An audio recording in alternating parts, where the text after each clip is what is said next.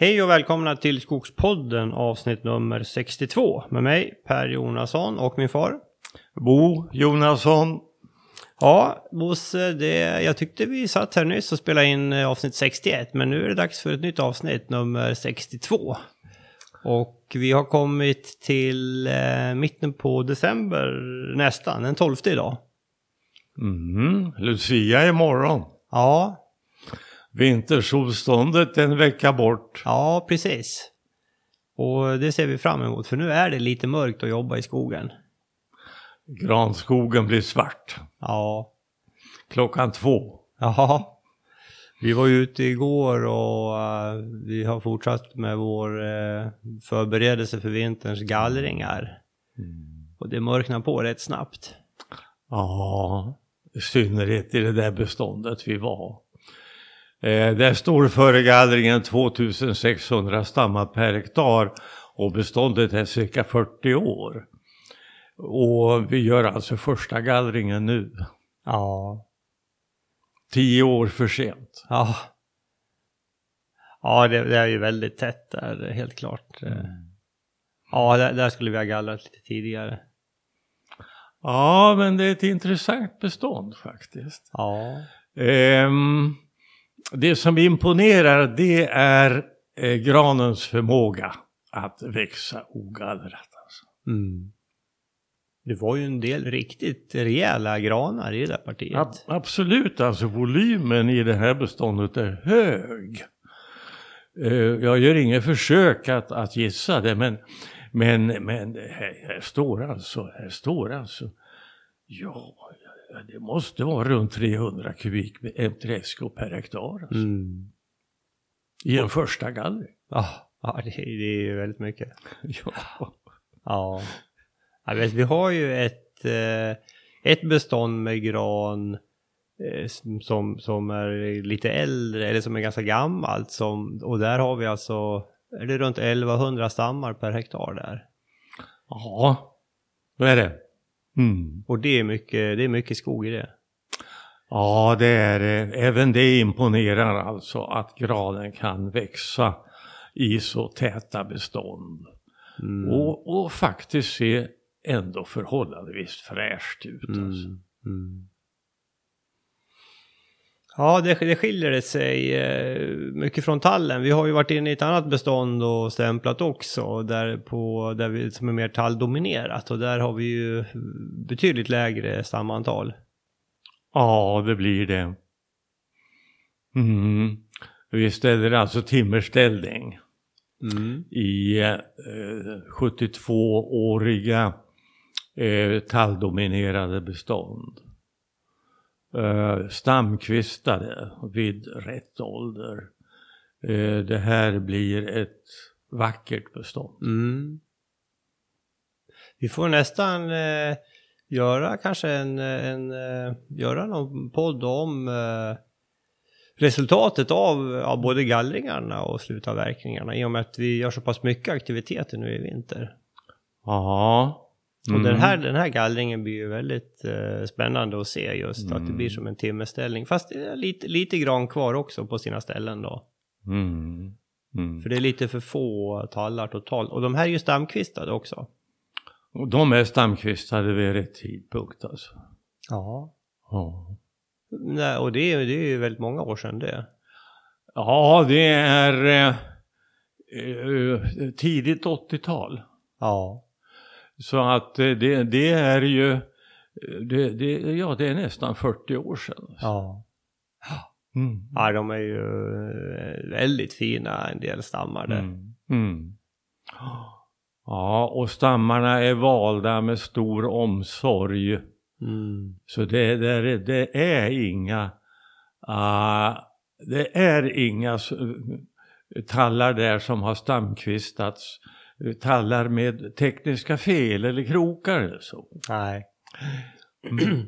Nej, men du brukar ju påpeka det Bosse att du, vi fokuserar ju bara på de allra, allra finaste stammarna att stamkvista och då, då, då blir det inte mer än 200-300 per hektar. Nej, erfarenheten säger det. Mm. Mm. Mm. Och att det i princip det är lika mycket jobb, eller kanske mera jobb, att hitta de här riktigt fina stammarna som att utföra själva kvistningen. Ja, att välja ut rätt stammar, det är så viktigt. Alltså. Ja, just det. Mm. Vi har ju ett avsnitt som handlar just om stamkvistning om man är intresserad. Ganska tidigt. Mm. Det kan mm. vara nummer fem eller nummer sex eller något sånt där. Mm. mm. Ja, vi får nog komma tillbaka till det tror jag. Ja, det gör vi. Ja, eh, och vill man, eh, vill man läsa lite grann om vårt skogsarbete så har jag börjat blogga på atl.nu. Ni vet eh, ATL, eh, den affärstidningen för skog och lantbruk, kommer två gånger i veckan i pappersformat och finns på nätet att läsa också. Så kika in på atl.nu på bloggar så, så finns jag där under det gröna guldet heter den bloggen då. Där, där skriver jag lite grann om vårt skogsbruk och uh, vad, vi, vad vi gör, sysslar med. Lite reflektioner kring, kring skogsarbete också. Eh, men nu ska vi hoppa till något helt annat Bosse och eh, vi har nämligen en jäkligt spännande intervju framför oss och eh, innan vi hoppar in på den så ska vi tacka vår samarbetspartner Föreningen Skogen. Eh, du och jag är medlemmar där Bosse, det är en ideell förening som, som jobbar för att sprida kunskap och en, en, en även en, en, debatt kring svensk skogsbruk eh, driver de också. De eh, ger även ut en tidning som heter Skogen. Man kan även gå in på, om man går in på skogen.se så har de även en hel del nyheter som man kan ta del av som är bra. Sammanfattar nyhetsläget inom eh, svensk skogsbruk. Jag brukar gå in och kika där. Det finns alltid, alltid någon nyhet man kan gräva in sig i lite grann. Så det kan vi rekommendera. In och kika på skogen.se. Och bli gärna medlemmar också. 350 kronor per år kostar det. Nu Bosse, vi har varit eh, i Västerås och eh, träffat Mats Bygge. Han är VD på Areal.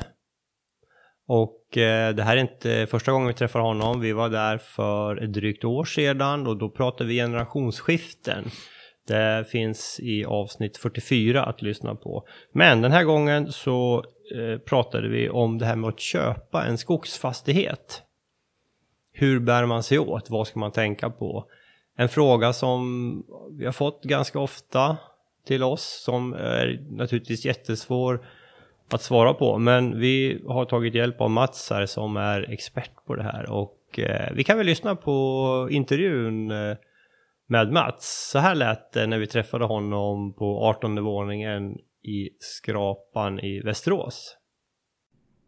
Välkommen till eh, Skogspodden Mats Bygge. Tack så mycket.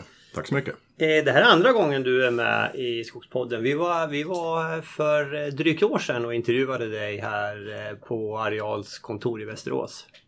Ja, det stämmer det. Då satt vi och pratade generationsväxling där. Ja. Och jag tyckte själv det blev ett väldigt lyckat avsnitt. Avsnitt 44 tror jag ni kallar det, eran serie här. Och jag brukar rekommendera kunder som går generationsväxlingstankar att lyssna på det där avsnittet och få en, en slags grund utif- innan vi börjar diskussionerna på allvar sen. Det brukar ja. vara väldigt uppskattat. Och sen ja. finns det många andra avsnitt om helt andra saker som jag brukar uppmana kunderna att lyssna på också. Men... Ja men det är bra, det, det tackar vi för. Ja, det, det, blev ett väldigt bra avsnitt. Det, vi satt ju, jag tror vi satt nästan en timme och pratade generationsväxlingar. Och vi hade nog kunnat suttit en, en timme till men det, ja, det blev väldigt matnyttigt. Det blev det och eh, det fantastiska var ju att avsnittet blev ju aldrig redigerat heller. Vi slog ju aldrig av mikrofonen utan Nej. pratade oavbrutet ja, en timme. Det stämmer. Det får stämmer. se om vi lyckas med det idag. Ja, vi får se det.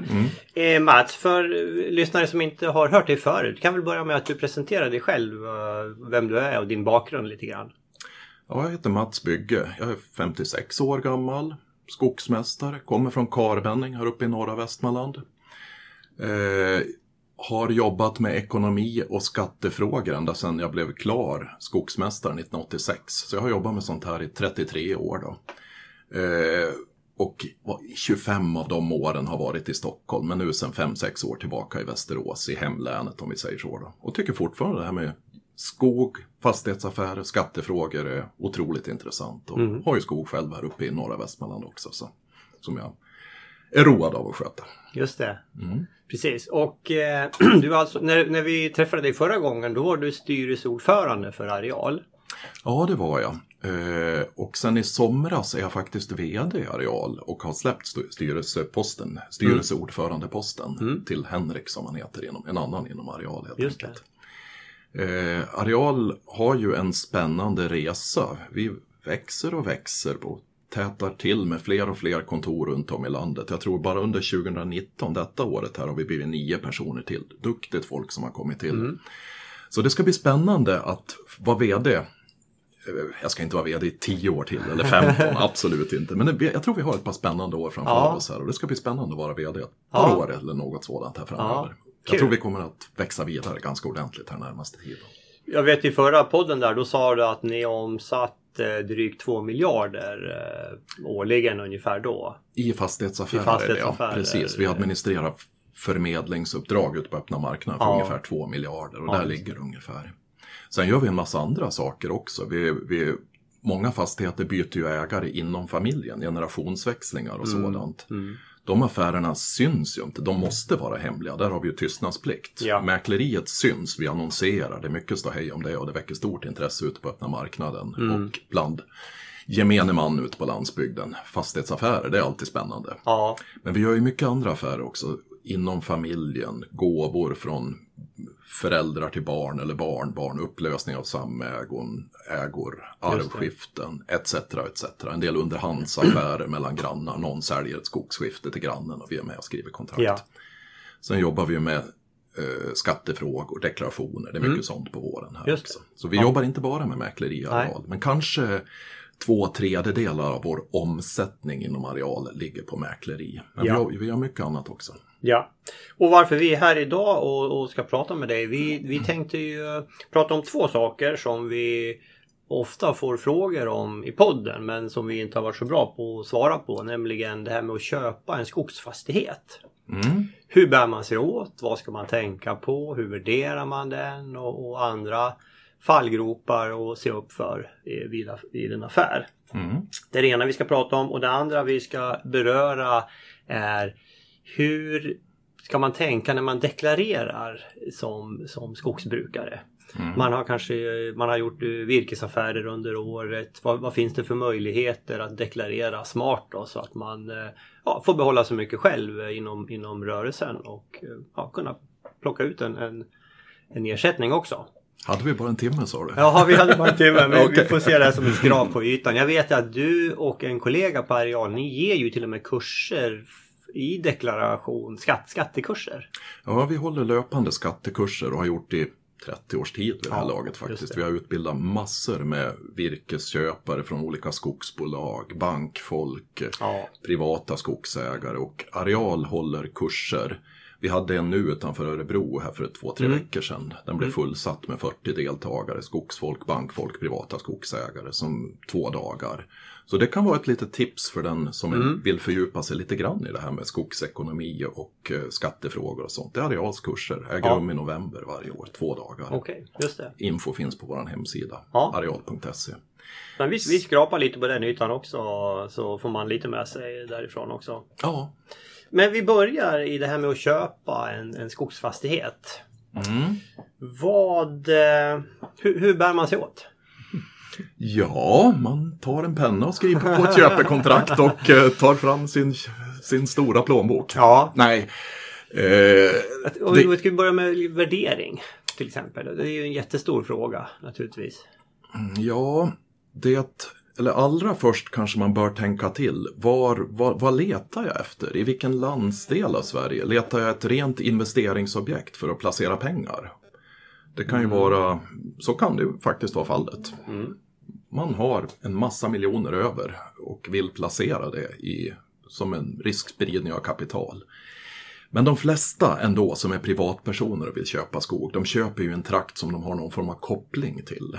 Man kanske har en sommarstuga där, hustrun kommer från trakten, man är uppväxt i trakten eller man på något vis har en koppling dit. Mm. Och då ger det sig själv i vilken trakt av Sverige man köper. Men annars så finns det väl trakter som eh, är lite mer prisvärda tycker jag i alla fall. För Götaland är ju förskräckligt dyrt. Vi, kan, vi kommer tillbaka lite om prisnivåer och sånt där.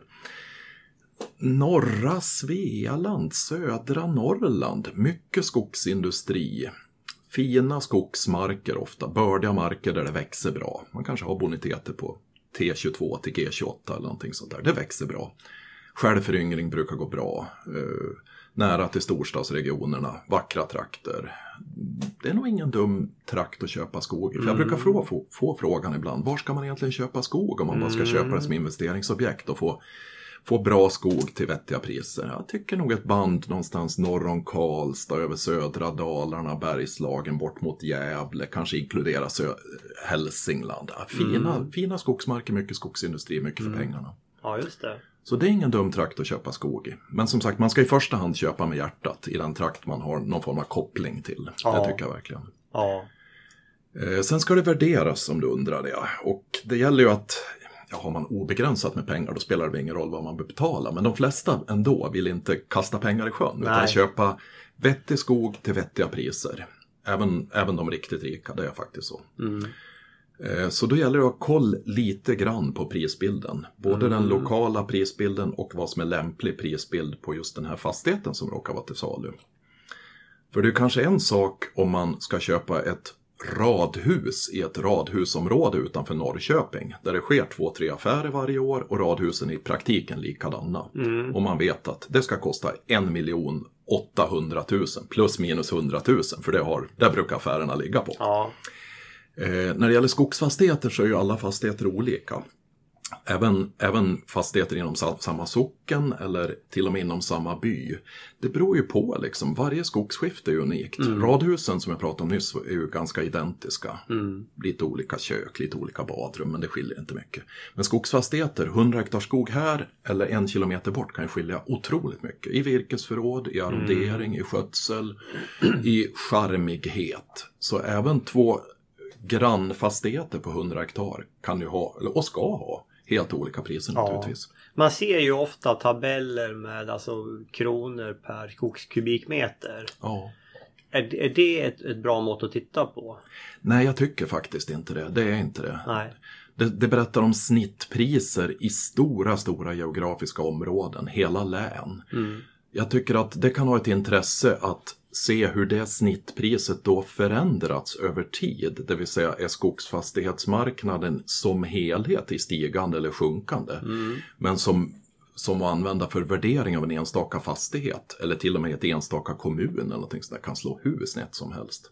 Samma med att ta taxeringsvärdet som utgångspunkt och lägga på 50 procent eller något sånt där. Nej, men det kan ju bli hur fel som helst på en Ja. enstaka fastighet. Men det kan vara bra att se den här prisstatistiken i kronor per kubik då över stora landsdelar som en hur förändras det här år för år? Det kan vara en tendens till hur fastighetsmarknaden förändras. Och där har man ju sett, precis som du var inne på, att i norra Sverige har ju priserna stått stilla eller gått ner. Medan i södra Sverige har de gått upp ganska kraftigt.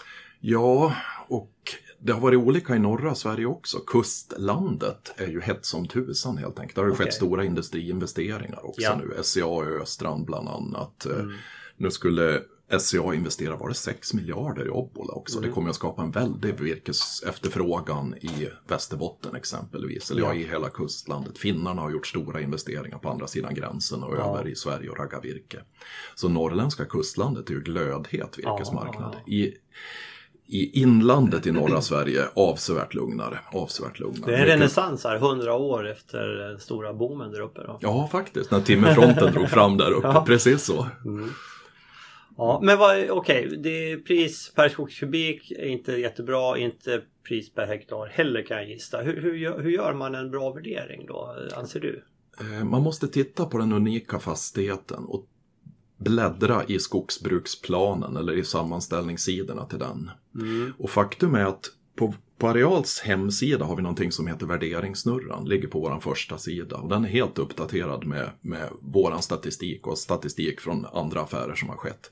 Och där kan man gå in län för län och klicka i och fylla i siffrorna ur ett prospekt exempelvis. Antal hektar skogsmark, virkesförråd, arrondering, eh, skötsel, bonitet etc. Gå in med ett 7-8 faktorer. Och faktum är att få ut ett riktigt skapligt eh, välträffande värde. Det, det, det tar inte hänsyn till exploateringsvärden exempelvis. Så är man väldigt nära större städer då måste man väga in det. Men det står finstilt också Ja. under på vår hemsida om den värderingssnurran. LRF Konsult har någonting motsvarande om jag ska vara ärlig. Men det finns sådana här värderingssnurror som träffar förvånansvärt rätt och kan för i Västmanland till exempel, där kanske man kan läsa i statistik att ja, snittpriset i Västmanland ligger på 475 kronor kubiken eller vad vi kan tänka oss i dagsläget. Men då kanske det varierar från 380 upp till 780 kronor kubiken. Så stort är spelrummet i Västmanland. Riktigt hårt huggna fastigheter, spretig arrondering. Nordöstra Västmanland där priserna är mycket lägre än i södra Västmanland exempelvis betalas mycket mindre. Eh, bra fastigheter, fina skogsfastigheter, bolagiserad skog betalas till brutala priser. Så även i Västmanland förekommer ju priser på, som är uppe och nosar på över 800 kronor kubiken. Jag har inte hört någon affär än över 800 kronor. Men det är bara en tidsfråga. Ja. Men det, så vi har egentligen ett spelrum i Västmanland. Detta lilla län ska vi tillägga för alla som inte är från de här trakterna. Men kulturens vagga kanske man ska tillägga också. Naturligtvis. En högt stående, ja, rikets centrum i många avseenden faktiskt. Men det är ett litet län på bara 10 kommuner eller någonting sånt där. Men här i Västmanland varierar skogspriserna mellan 380-390 kronor kubiken till 800. Och det är ett väldigt, väldigt stort Ja, spann. Så ett det- snitt på 475, ja men det säger egentligen ingenting. Nej. Men den här eh, kalkylatorn då som, som både ni och, och LRF har, tar den hänsyn då till, alltså, till kassaflödet? Alltså diskonterar det gallring om tre år eh, kommer att ge de här pengarna, slutavverkning om sju år? Nej, det gör det inte. Utan det här är utifrån ortsprismaterial, Ah, det vill säga prisstatistik Just helt det, enkelt. Vill man göra en noggrannare värdering, jag skulle säga att våran värderingssnurra i de allra flesta skogsfastigheter gafflar in värdet på plus minus 10% när. Så pass nära kommer man Okej. faktiskt. Förvånansvärt nog. Mm. För det är så pass, de viktigaste variablerna är, fyller man i där Mm. och får ett förvånansvärt bra utdata på värdet Mm. faktiskt. Provkör ju den gärna faktiskt. Ja. Både ni och lyssnarna här. Mm. Värderingssnurran på Areals hemsida. Men Eh. om man, vill, om man vill fånga in de här sista 10 procenten också, hur, hur gör man då? Då får man göra en konventionell skogsvärdering, köra det i något form av värderingsprogram, Mm. eh, BMWin eller något liknande. Ta skogsbruksplanen som då ska vara färsk och uppdaterad och köra in det i ett speciellt dataprogram. Och då får man ju ett avkastningsvärde, ska vi komma ihåg, där man tycker att ja, vid den här räntefaktorn, givet de här virkespriserna och givet att eh, inget konstigt händer de närmsta tio åren, borde fastigheten vara värd så här mycket. Men sen marknaden, grannarna, det, det är ju en marknad där ute. Så eh, det kan ju vara folk som tycker att det här ska jag ha, kosta vad det kosta vill. Liksom. Och det, tycker då en annan person samma sak så kan ju priset bli något helt annat Ja, naturligtvis. Efterfrågan, det, det är ju det som egentligen skapar priserna. Det är ju Ja. marknaden som gör det. Ja, det är. Allt annat är ju te- teoretiska modeller för att försöka beräkna vad borde en normal marknad vara beredd att betala för det här.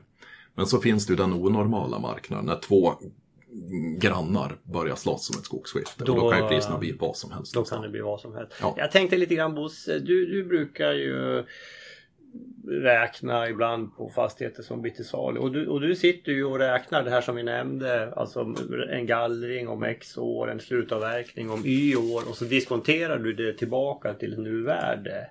Eh, Och så får man göra det i ett antal år framöver då. Och det här gjorde vi även på eh, testade när jag gick den här en kurs på Linnéuniversitetet. Ja, just det. Man kan ju sitta, sitta i Excel och göra det här också även om det, det är ganska omfattande arbete men, men det går ju.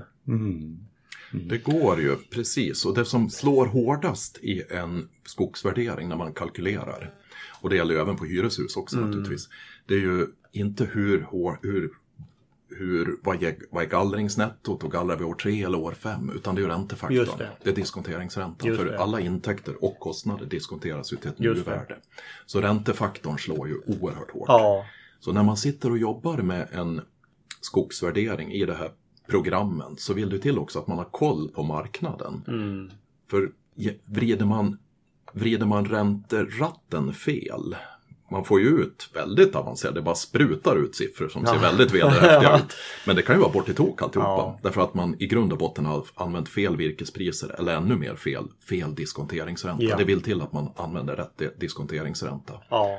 Och är vi i Västmanland nu så är man ju faktiskt under 2% Det är inte så länge sedan man värderade skog med 5 eller 6 disk- diskonteringsränta. Men idag är vi nere under 2 Under i. Västmanland. För att, för att värdena ska stämma. Och det är ju det då marknaden tycker att men det är klart, kan man låna pengar till mellan 1 och 1,3 procent beroende på hur bra kund man är i banken.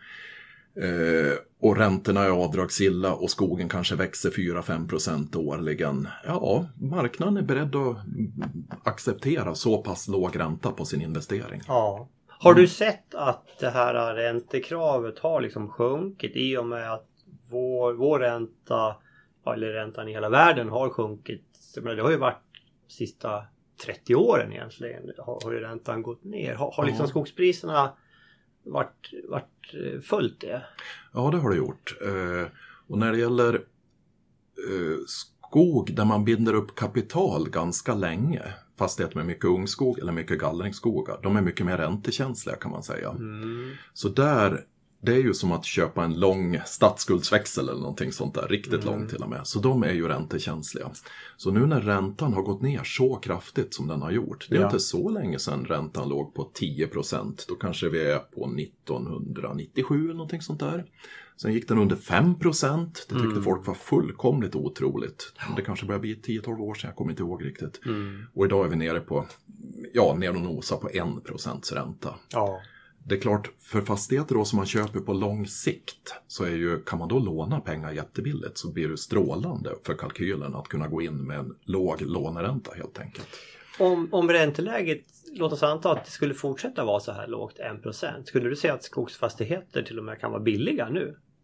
Eh, ja, ja, det tror jag faktiskt. För om det här lågränteläget består, och mycket talar ju för att det består, om inget knäppt händer i världen den närmsta tiden, så verkar det ju bestå ett par, ja, under överskådlig tid framöver Mm. och överskådligt kanske ett par år eller någonting sånt där. Mm.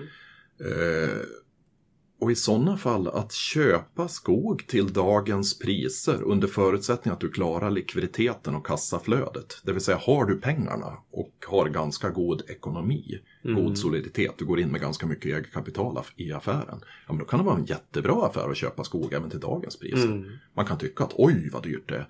Men räknar man på det och har en hel del pengar, mycket eget kapital i ryggen, Mm. ja men det är nog bättre än många andra placeringar, det tror jag verkligen. Intressant. Jag, jag tänker också på, vi ser ju att det kommer fram nya gödningsmedel som ökar tillväxten. Mm. Och vi har ny eh, plantmaterial som, som ökar tillväxten. Så jag menar det finns ju vissa forskare, Thomas Lundmark bland annat på Mm. SLU, han pratar om att vi kanske kan fördubbla tillväxten. Mm. Och då, det, det är ju också någonting som kommer att öka värdet på marken. Ja, det är ju rimligen det. Så har man bara bra mark nära skogsindustri som vi pratade om förut. Nej, men långsiktigt och bara du klarar kassaflödet de första 5-10 åren. Kassaflödet och likviditeten. För du kan inte belåna dig hur högt Nej. som helst. Det, Nej. det ska inte banken med på. Det. Och sen ska man sova gott om natten Ja, också. ja men absolut. Eh, men då tror jag på 10 års sikt så en alldeles utmärkt affär. Det tror jag verkligen. Ja. Även till dagens priser. Jag Ja. tänkte foga in här också. För du undrar lite om räntan. För, och jag berättade om att fastigheter med mycket ung skog, röjningsskogar, gallringsskogar, har stigit mera än, eh, än fastigheter med äldre skog. För äldre skog, de är som stora rotposter enkelt uttryckt. De följer virkespriset där du mer eller mindre måste. Anta att du har en fastighet med bara 100-årig granskog. Den är inte räntekänslig för alla Nej. måste hugga inom fem år eller också blåser de kull. Ja, just det. En spaning också kan vara att själva markvärdet, det rena råa markvärdet, backen, det är det som har stigit allra mest. Mhm. I Västmanland så markvärdet för 20 år sedan kanske låg på 5-6 tusen hektar kronor hektaret för kal skogsmark alltså. Ja, En blandning av K1, K2, R1, mark utan virkesförråd. ja. Och idag får man ge i snitt kanske 25 000 per hektar för den typen av mark. Det är en kraftig K1, ökning. K2, R1. Mm.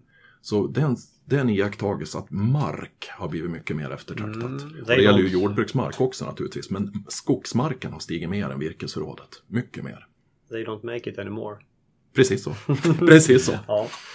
Äh, vad säger du Bosse, har du någon kommentar till det här med att, att göra en sån här kalkyl eh, enligt nuvärdesmetoden? Mm, mm. Vad, vad, vad tänker du för ränta när du Ja, har gjort? just det här att diskontera nettot av alla framtida eh, Eh, alla framtida nettointäkter. Det, det är ju själva principen för, för värderingen. Och det gäller ju som sagt att välja eh, en, eh, en diskonteringsränta som passar en själv här. Mm. Ja, det gör ju det. Och i klassisk skogsvärdering, om man läser gamla skogsböcker från före andra världskriget, så då räknar man alltid med 3% och tycker att det är rimligt. Som jag sa, på 80-talet i Sverige under höginflationens dagar så räknar man med 5% 6 och idag är vi nere under 2. Egentligen borde man kanske räkna med 3 i klassisk skogsvärdering. Men den som räknar med 3% han får inte köpa en enda fastighet för hans värderingar kommer på tok för lågt.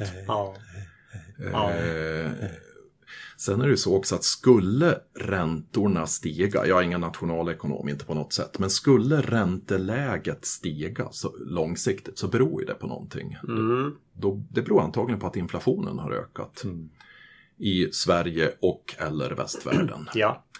Och Det i här med fall... en, ränta på 1,8 procent, det, det, det, det kan jag känna för. I, i dagsläget alltså. En det- diskonteringsränta. Ja, räknar du med 1,8 i Västmanland så hamnar du någorlunda rätt i värde. Ja, det gör du. Ja. Mm. Mm. Eh, just det, jag började prata om inflationen. Mm. Eh, för med inflationens hjälp, ja just det, det var, det var där det började också. Eh, stiger räntenivån så beror det antagligen på att inflationsnivån i Sverige har stigit Ja. och inflationsförväntningarna har börjat stiga. Och i sådana fall så skog historiskt sett, bra real egendom, bra fast egendom har ju alltid stigit i inflationstider. Inflationen är 2000 år gammal, romarriket hade inflation. Skog har varit inflationssäkert i ja, de 150 åren vi haft skogsindustri i Sverige och så vidare. Mycket talar för att det kommer vara så i framtiden också. Och kommer inflationen igång från dagens nivå och eh, då finns det ju inga tak för priserna längre. Nej. Då kan det bli vad som helst med inflationens hjälp. Det kan bli 1000 kronor kubiken, 2000 kronor kubiken. Det finns inga tak. I reala priser, det är en helt annan sak. Men med nominella priser, Ja. för lånen är också nominella, då kan det bli strålande affärer. Och har ju alltid så varit. Så det är ju inflationen som har gjort många Ja. skogsägare väldigt rika, åtminstone på pappret, sett över några decennier. Det äter ju det. upp lånen, enkelt uttryckt. Ja men det är ju spännande och jag menar, nu har vi ju sett också Holmen, SCA har värderat upp sina skogsinnehav eh, Ja, ordentligt. Och Ja. det kanske Stora Enso kanske kommer att göra det också med flera. ja. Och vi har ju den här bioekonomin som, som blir allt tydligare där vi går ifrån eh, fossila material till, till eh, material från skogen istället. Så marknaden lär ju finnas. Marknaden lär finnas, ja. Skogen... Vi, Sverige är ju ett skogsland och vi har ju komparativa fördelar jämfört med många grannländer. Mm. Så Det, vi ligger långt framme på skogsområdet. Det gäller finnarna också. Men vi är duktiga på skog och har skogsindustri och har varit det länge i Sverige. Vi har infrastrukturen för det uppbyggt. Vi, vi är svårslagna på skog helt Ja. enkelt. Det gäller nog vattenkraft också. I många andra branscher, våran varvsindustri är utslagen sedan länge, tekoindustrin, bilindustrin har vi kvar, Vol- Saab är borta men Volvo finns. Jag hoppas resten av bilindustrin består. Men jag tror skogsindustrin och skogen, där är vi riktigt svårslagna. Det kommer att ta tid att slå oss där och det bygger i sådana fall på felaktiga politiska beslut och avstannande investeringar. Men skogsindustrin investerar ju mer än någonsin Ja. just nu. Så framtiden ser väldigt ljus ut. Ja, det, det tycker jag. Kul.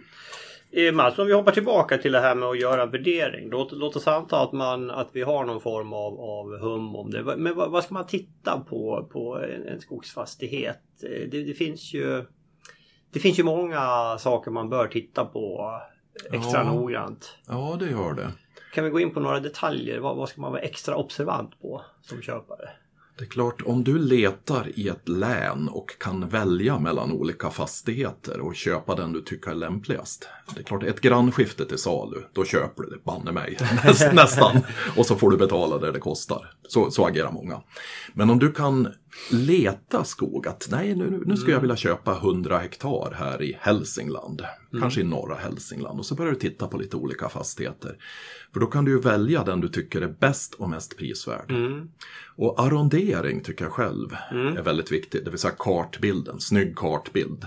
Bättre med ett fyrkantigt skifte, gärna med ett sjö i mitten, än tio spretiga bitar som ligger fem kilometer ifrån Ja. varandra som en hagelträff i landskapet. Både för skötsel och för jakt och för eh, Ja, åtgärder. Och, För ja. åtgärder. Det är mycket roligare att äga en välarronderad som det kallas då. En välarronderad fastighet som består av ett skifte. Ett ordentligt Mm. Arronderingen är skifte. viktig. Yes. En liten kärn tycker jag är trevligt för ögat. Mm. Det försvårar egentligen skogsbruket för då måste man köra runt sjön. Ja. Men jag tycker det är trevligt med ett litet sjö eller vattendrag inne på Ja. fastigheten. Eh, boniteten, markens bördighet tycker jag är väldigt viktig. Och där, där är det nog många som betalar lite för lite för bördig mark och lite för mycket för svag mark. En dragning mot mitten brukar man prata om i branschen. Det här Mm. Ja. är välkänt. Branschfolk har tyckt i 10-20 år att vä- både välarronderade och bördiga marker borde betalas ännu bättre. Det vill säga de är underprissatta. Men dåliga fastigheter om vi kallar dem så, svaga marker och som består av många skiften och kanske med dålig skogsvård betalas alldeles för högt många gånger. Men folk gör väl som de vill. Folk köper med öppna ögon. Men ofta, tittar man på det i efterhand så är det de som har köpt bra fastigheter, fin kartbild, bördig mark och välskött överlag där man ligger bra till med skogsvård och så. Det är det som har lönat sig. Det är det som har lönat sig. Just skogsvården, är det, ska man kika på den? Alltså om man har skött röjningar och gallringar och sånt där. Är det, är det en viktig sak? Ja, det tycker jag verkligen. Eh, röjningen är ju bland det allra viktigaste. Att se till att den utförs i tid. Och omsorgsfullt, kanske med ett par röjningar. Försummar du röjningen och driver upp till de här djunglerna med svajiga högstammiga skogar med liten krona där uppe som en liten fjutt längst upp i ett metspö.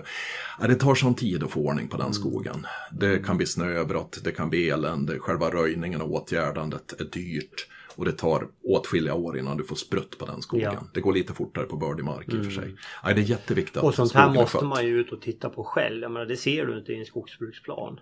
Nej, det gör du faktiskt inte. Rätt. Så du måste ut och titta på det. Mm. För i skogsbruksplanen kan det stå någonting om röj, röjning, angelägenhet 1. Ja, men det indikerar att det här kanske har gått för långt redan. Mm. Ja, så kan det vara. Då, då ska man ju passa sig. 15 år i skog, angelägenhet 1. Ja, men det, det kan se förskräckligt ut i verkligheten. Ja. Och eh, eh, nej, så att köpa fastighet där skogsvården är väl skött. Och många tycker också att man ska köpa, eller ibland heter det att Åh, där finns ingenting att hugga. Det finns ingen gammelskog på en fastighet. Eh, ja, men det kanske är bra ibland. Jag skulle säga att bästa affären är att köpa skog som är i ålder 15 till 45 eller sånt där. Gärna 20 år i skog. Det, Virkesförrådet står som noll. I, eller väldigt lågt i alla fall i skogsbruksplanen. Men är, då, är det då röjt och välskött, rätt som är så pang Ja. börjar virkesförrådet explodera och du har en rasande Och en tillväxt. hög tillväxt ja. Jajamän, precis så. Och många ratar den sortens fastigheter. Ö, det finns inget att hugga brukar snacket vara. Men herregud, det växer ju för fullt. För köper du en fastighet med massa hundraårig granskog, ja då tvingas du hugga ner den vare sig du vill eller inte. Ja. Priset blir högt, du får lov att hugga ner och sen står du där med kalmark som ska återbeskogas. Och innan du har någon virkesförråd på nytt så är vi, är vi i Svealand så tar det ju 20 år minst innan du har ett virkesförråd på nytt där. Nej, så mitt tips är nog att köpa R2 faktiskt. Ja. Välskötta R2, tidiga G1. Där får man mycket för pengarna. Du nämnde också det här med nära till avsättning eh, för sina produkter också. Ja, det, eh, det är viktigt idag och jag tror egentligen det kan bli ännu viktigare framöver. Mm.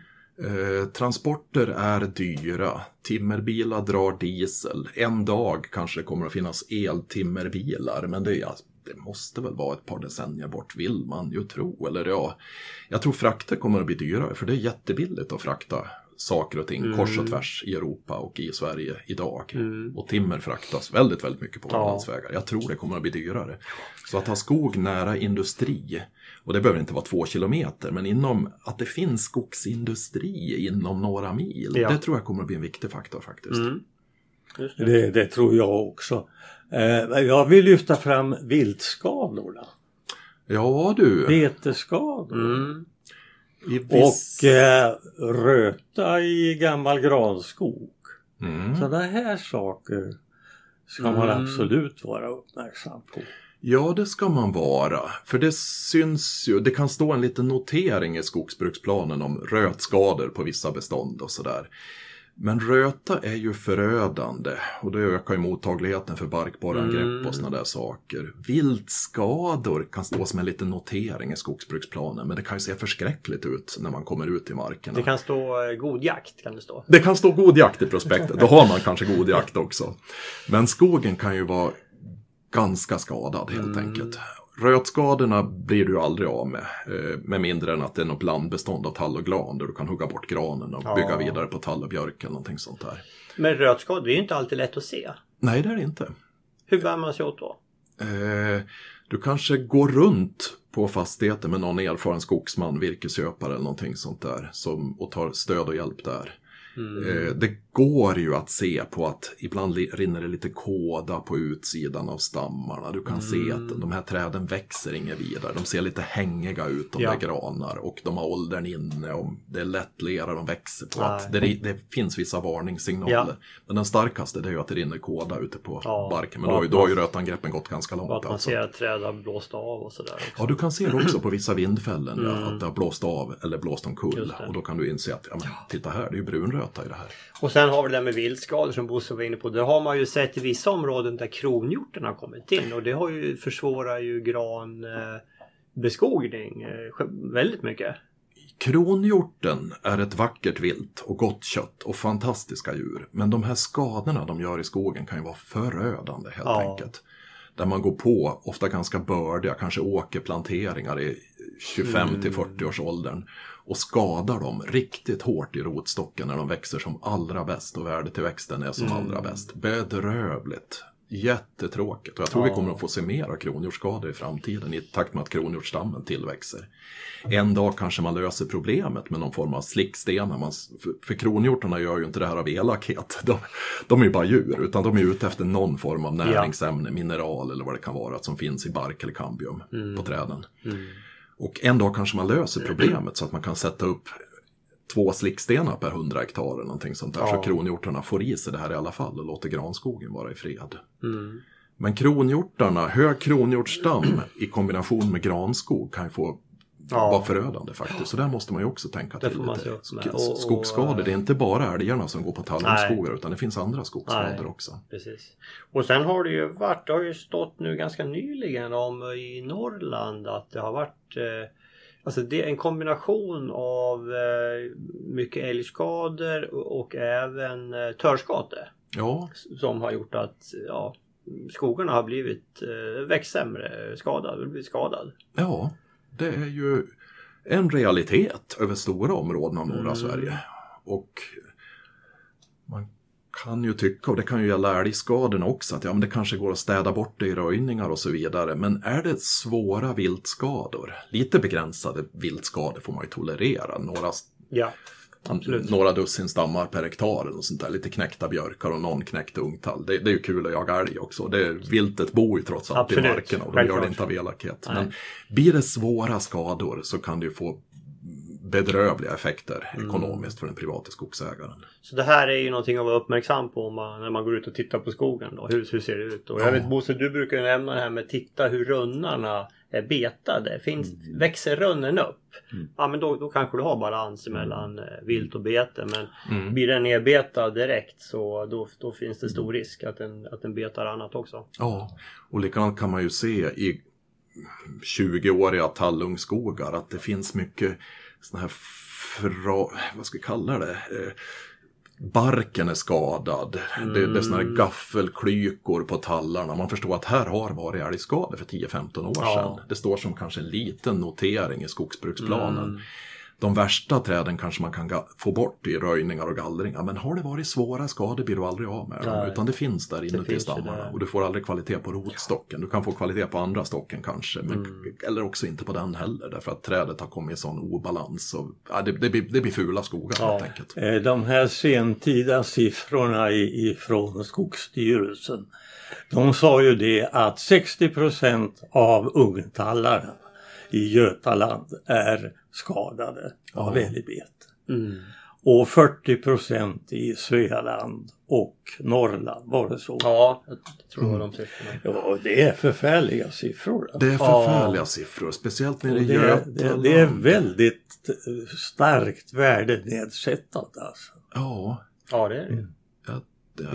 Och ändå hade vi ännu starkare älgstammar först. Men det är som att det totala betestrycket av älg, hjortar, rådjur och i någon mån vildsvin Mm. gör att det finns ett hårdare betestryck på skogarna. Mm. Och eh, för bevisligen, det är ju, det är ju förfärliga skog, skogsskador. dovhjort eh, finns ju på många ställen stora stammar också. Ja, och de, eh, de gör väl sitt tillsammans med de andra viltslagen på framförallt ungskogarna. Mm.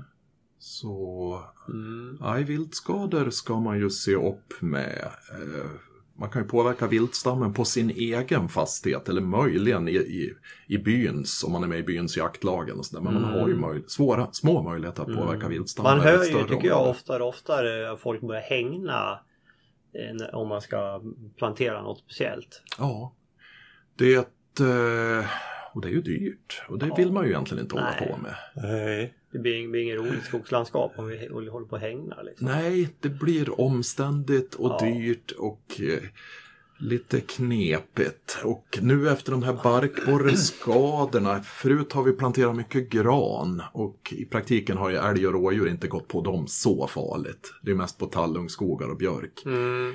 Men nu efter de här barkborreskadorna så kanske man vill ha in lite mer lövinslag i skogarna till Ja. exempel. Men hur ska det gå till? Älgen älg, älskar ju ung löv helt enkelt. Så om du röjer fritt lite huvudstammar Mm. av björk, de kan ju gå som tröskor i sånt och knäcka ner dem. Ja.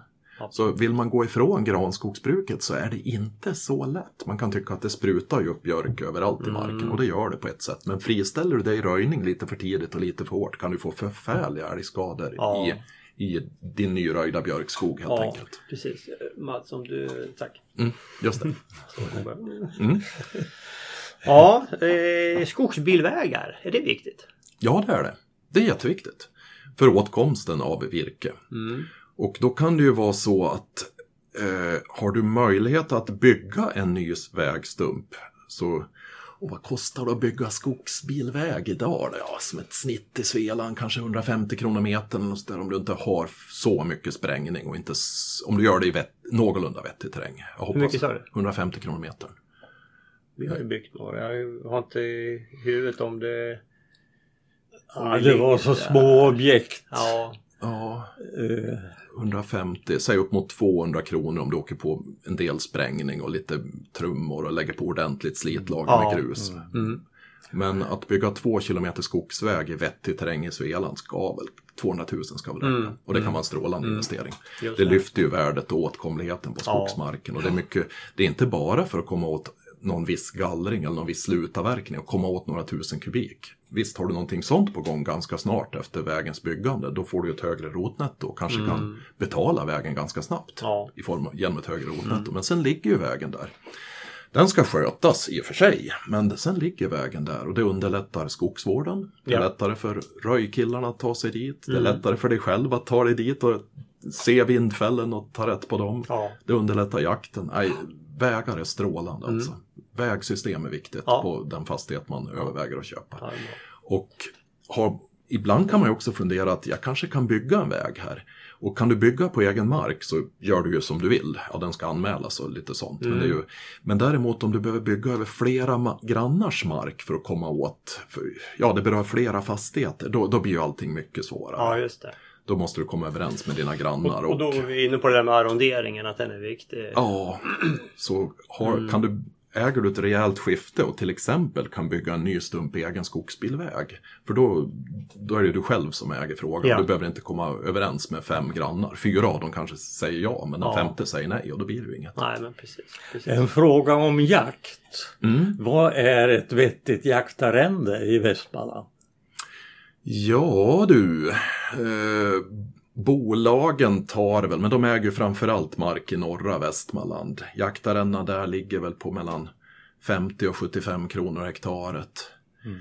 Eh, Många tycker det är jättedyrt, men eh, på privat mark i södra Västmanland, nog har du bara en bra jaktmark, hyfsat väl arronderat och arrenderar ut till åtta ABB-ingenjörer, ett kompisgäng från ABB, så det är inga problem att få över 100 kronor hektaret. Eh, uppemot 200 kronor hektaret i, och ännu mer förekommer ju i Sörmland. Jag har hört något om jaktarrenden på 600 kronor hektaret på riktigt bra marker i Skåne.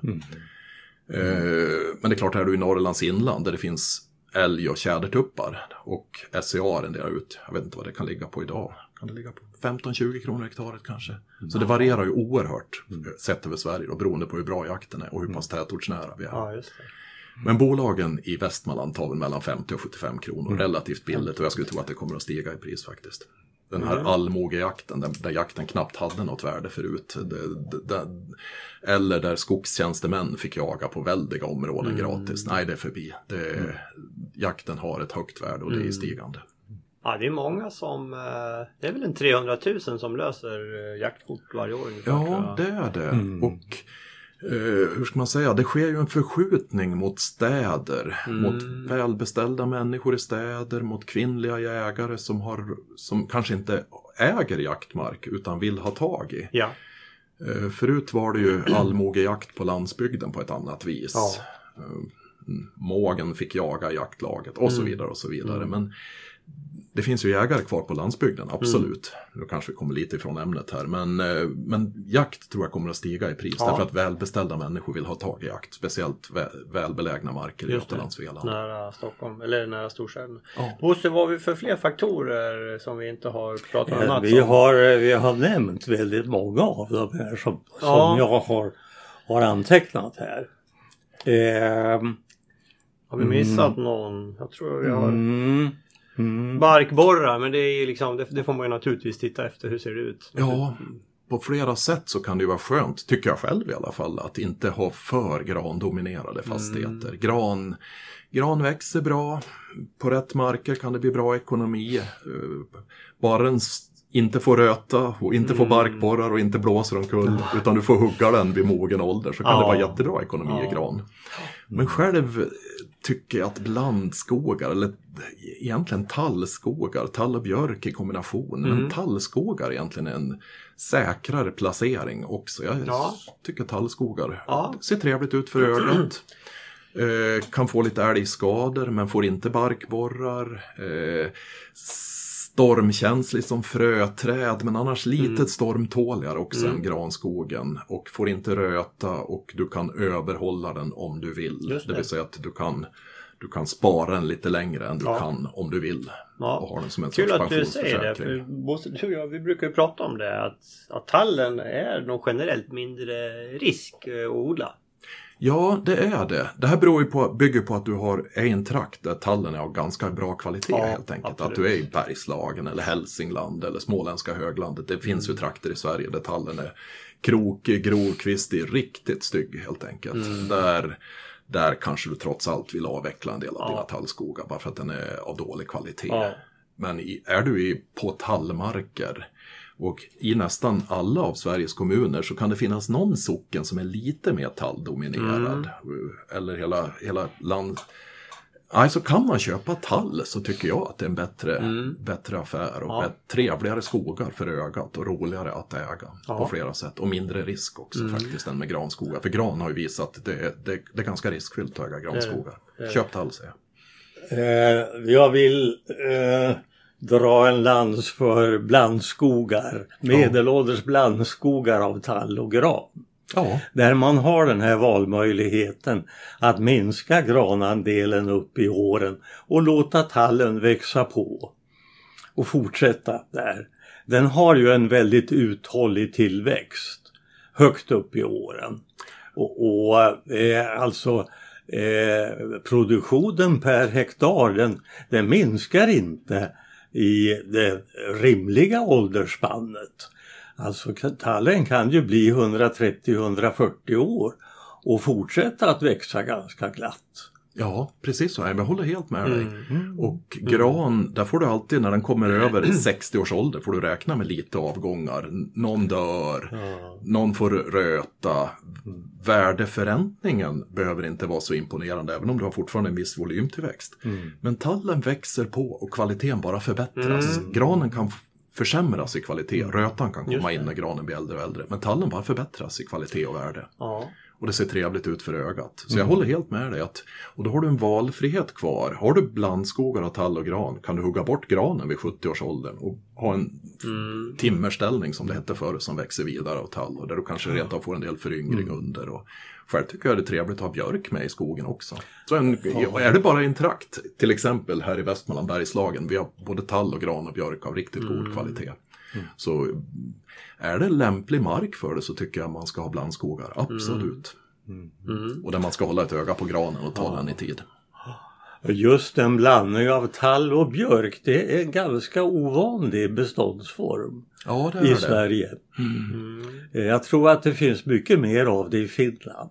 Ja, Mm. det gör ju det tror jag också. Det, de privata skogsägarna fick ju lära sig att björken var ett ogräs och den skulle huggas väck och det skulle gallras bort och så vidare. Så vi har ju huggit mycket, vi har ju lite grann fördärvat våra blandskogar i Sverige här tror jag under 80-90-talet. Kan vara så i alla fall. Mm. Det här är också delvis en viltbetesfråga för att eh, att tänka sig bara att en björk ska kunna växa upp i skogen till en fin timmerbjörk.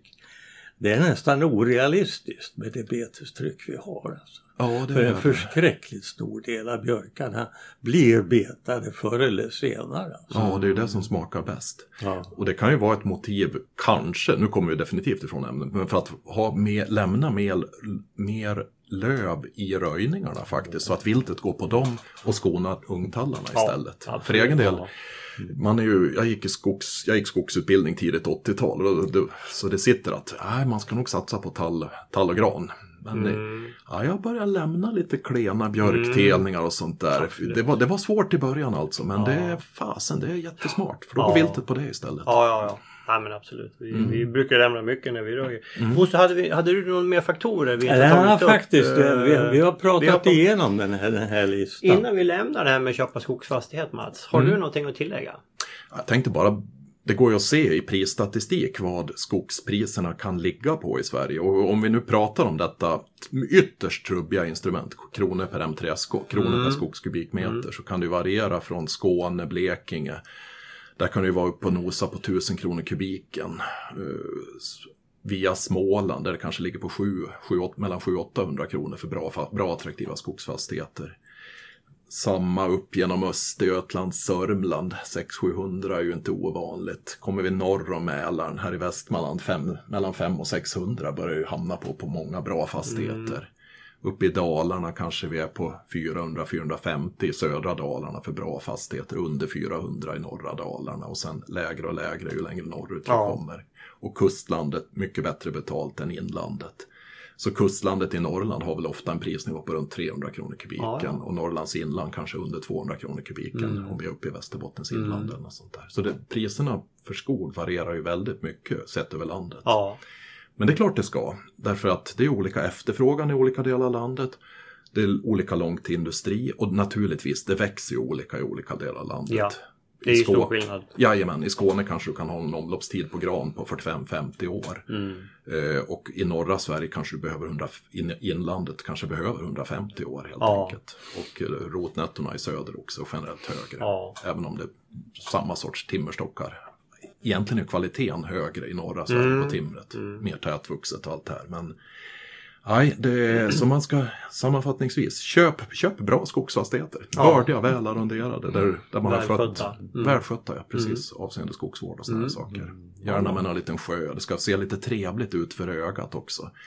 Man kan ju köpa en produktionsruta, 100 hektar, ren produktionsskog. Mm, ganska stora bestånd, ganska tråkiga skogar. Man måste Ja. köpa lite med hjärtat också. Ja. Det ska vara lite hyss i skogen, en liten glänta. Där står ett par gamla eh, hund- 200-åriga tallar. Ja. Här ute på udden står någon ek. Det ska vara lite skoj i skogen också, det tycker jag. Så man måste köpa... något. Jajamän, det måste vara lite estetiskt tilltalande också. Så man ska köpa med hjärtat, det Mm. tycker jag Ja, verkligen. men det tycker jag var bra slutord eh, i den här delen. Och jag tycker vi hoppar in på, det finns mycket att prata om det här med köp och sälj av skogsfastighet. Men Mm. jag tror vi får nöja oss där. För det, vi, har, vi ska prata lite deklaration och skatter också. Ja, just det. Skogens skatter alltså. Det... Ja. Där eh, gick vi in och eh, bröt. Den här intervjun blev nämligen så lång så vi kommer att dela upp den i två delar. Första delen som vi hörde nu, det handlade om köp av en eh, skogsfastighet. Eh, den andra delen kommer att handla om det här med skatter eh, i skogen och vad ska man tänka på när man deklarerar. Det kommer i avsnitt eh, 63. Så jag tycker eh, vi rundar av här Bosse och vi tackar vår samarbetspartner Föreningen Skogen. Gå in på skogen.se och läs mer om vad de kan erbjuda just dig. Eh, vi rundar av där och så hoppas vi att ni lyssnar på avsnitt 63 som släpps samtidigt. Vi hörs där. Hej så länge!